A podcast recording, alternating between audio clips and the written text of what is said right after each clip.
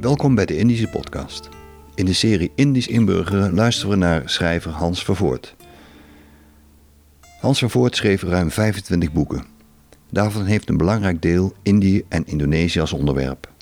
Enkele titels: Van onder de koperen ploert uit 1975, Retourtje Tropen uit 2005, Kind van de Oost uit 2005 en Weg uit Indië uit 2012. Ook schreef hij columns in het Indische blad Archipel en haar opvolgers East en Azië. Hans van Voort werd in Nederlands-Indië geboren, om precies te zijn op 22 april 1939 in Magelang, op Java. Zijn vader was knulmilitair. De kleine Hans onderging Japanse internering en maakte de gewelddadige Persiaptijd mee. Het gezin repatrieerde pas laat naar Nederland in 1953 en streek eerst neer in het Brabantse Os en later in Amsterdam. Over onder meer de aankomst en aanpassing in het voor hem vreemde vaderland schreef Vervoort in Kind van de Oost. Fragmenten uit dit boek leest hij voor in de Indische podcast.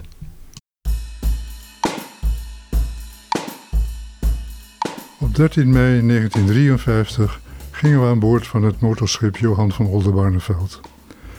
In het water van Tanjung Perak, de haven van Surabaya, voer een zeilbootje met mijn drie luidkeels zwaaiende boezemvrienden Hans Gerrits, Paul Snoep en Wim ten Wolde. Binnenkort zouden ook zij naar Nederland vertrekken. Onze tropenjeugd was voorbij. Op 3 juni 1953 voerde Olde Barneveld door het Noordzeekanaal naar Amsterdam. Ik stond aan de reling. Het regende mot. Langs het kanaal fietsten mannen met hoeden op en lange regenjas aan. Ik was veertien. De heimwee begon. En het was wennen, het leven in Bibberland in de jaren 50. Ik schreef er deze zes stukjes over. Nieuw in Bibberland, aflevering 1. We waren nu drie maanden in het moederland en de toekomst begon vorm te krijgen. Eerst had de regering ons gestald in Os, in een contractpension. Veel niet goed renderende hotelletjes of pensions hadden zich in die tijd bij het Rijk gemeld om tegen vier gulden per persoon per nacht de repatriant uit Indië van onderdak en voedsel te voorzien. Wij logeerden in een bordkartonnen uitbouw van hotelrestaurant De Korenbeurs. Een ander Indisch gezin woonde al enige tijd in de garage. Het wende, vertelde ze. Os was een kleine stille plaats met veel boerenland eromheen. Ik verkende op de fiets de omgeving, maar kon er niet veel vat op krijgen. Het landschap was wijds, maar gruwelijk vlak. It lacks drama, hoorde ik later een BBC-verslaggever zeggen over de Hollandse verte. En dat beschreef goed wat ik als, jongen voelde, maar niet kon verwoorden. Ik was natuurlijk ook een Anak Surabaya, een stadsjongen. In Surabaya woonden wel een miljoen mensen, al had ik er maar een klein deel van gezien. De Osse HBS, waar ik ingeschreven werd, was een groot naar binnen gekeerd bakstenen gebouw heel anders dan de extraverte galerijscholen van Indië. Ter voorbereiding op het schooljaar bezochten mijn moeder en ik een kledingzaak in het stille hart van Os en een half uur later stonden we met onze aankoop weer buiten. Zo, jij kunt een jaar vooruit, zei mijn moeder voldaan. Ik had mijn twijfels, want haar kennis van de Nederlandse mannen- en jongensmode dateerde uit het midden van de jaren dertig. Toen reisde ze mijn vader achterna naar de tropen en aangezien hij daar het vak van militair beoefende en kleding van de zaak kreeg, was er weinig reden voor haar om ooit nog de mannenmode bij te houden. Maar goed, ik had ingestemd met de aankoop en de verkoopster had verzekerd dat mijn pofbroek en jasje geheel binnen de mainstream van de Osse jongensmode viel. En toen kreeg mijn vader plotseling het bericht dat hij als militair administrateur werd gedetacheerd in Amsterdam.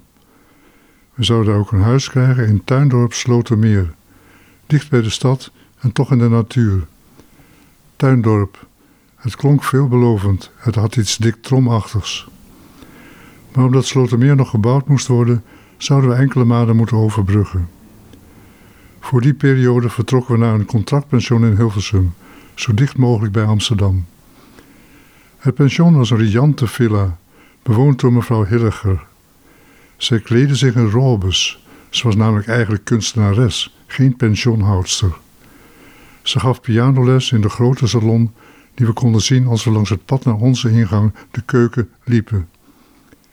We kwamen haar wel eens tegen in de hal en ze was ook een keer kennismakingsthee komen drinken in de beknopte woonslaapkamer die ze ons had verhuurd. Bij die gelegenheid vertelde ze uitvoerig over haar zangcarrière in binnen- en buitenland en de vele duetten die ze had gezongen met de beroemde tenor Bert Robbe, die nu in Amerika triomfen vierde. Met Bert had ik een heel apart rapport, vertelde ze. We ademden één adem, we deelden één ziel. Ach ja, vervlogen tijden. Ze bracht een klein dameszakdoekje naar haar ogen en depte daar iets weg. We luisterden met ontzag. Ook mijn vader had nog nooit zo dicht bij roem gezeten. Een knobbeltje op haar stembanden had haar zang nu al enkele jaren doen verstillen, liet ze weten. Maar misschien, met veel rust, kwam het ooit nog goed. En tussen de pianolessen, ach, een mens moet leven. En intussen de pianolessen, ach, een mens moet leven. En dit pension natuurlijk, waarmee ze toch ook mensen zoals wij uit de woningnood kon helpen. Dat waarderen wij ook, zeker, zei mijn vader beleefd. Ik kon horen dat hij het niet prettig vond dit uit beleefdheid te moeten zeggen. Hij betaalde voor onze kosten en inwoning en de vier gulden per persoon per dag die zij ontving, gingen van zijn traktement af. In Os mochten we nog zo vaak douchen als we wilden, maar mevrouw Hilliger leerde ons de Hollandse manier. Eenmaal per week stelde ze de badkamer beschikbaar. Tussendoor werd gepoedeld, even de oksels en het kruis nat maken en klaar. Wonderlijk snel wende ik eraan om door de week mezelf te ruiken. Die geur had na enige tijd zelfs iets prettigs, iets bekends. Het gebruik van toiletpapier was moeilijker. Ik kende alleen de bottle Chabok, de fles water die in Indië werd gebruikt om de billen schoon te spoelen. Kokhalzend gebruikte ik vele meters wc-papier, totdat Klaar, de huismeid, namens mevrouw Hilliger kwam klagen over de grote toename van het gebruik van toiletrollen sinds wij er waren. Zo werd het veel te duur, had mevrouw laten weten. Zeg maar tegen mevrouw Hilliger dat we voortaan ons eigen toiletpapier kopen, zei mijn moeder ferm. En dat bracht Clara toe om haar hart uit te storten over haar tyrannieke mevrouw. In haar eentje moest ze het hele huis schoonhouden en ook nog koken voor de gasten. De hele dag hollen, vliegen en draven en nooit een bedankje. Terwijl mijn vader stug de krant bleef lezen, tutte mijn moeder klaar na een onthulling. Wisten we dat mevrouw hier in de oorlog hier Duitse officier had ontvangen voor zangsoirees? En zij klaar me hollen, vliegen en draven de hele oorlog door.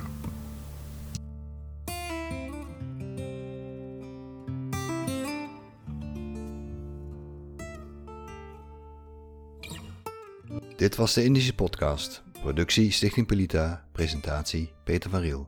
Meer weten? Ga naar www.pelita.nl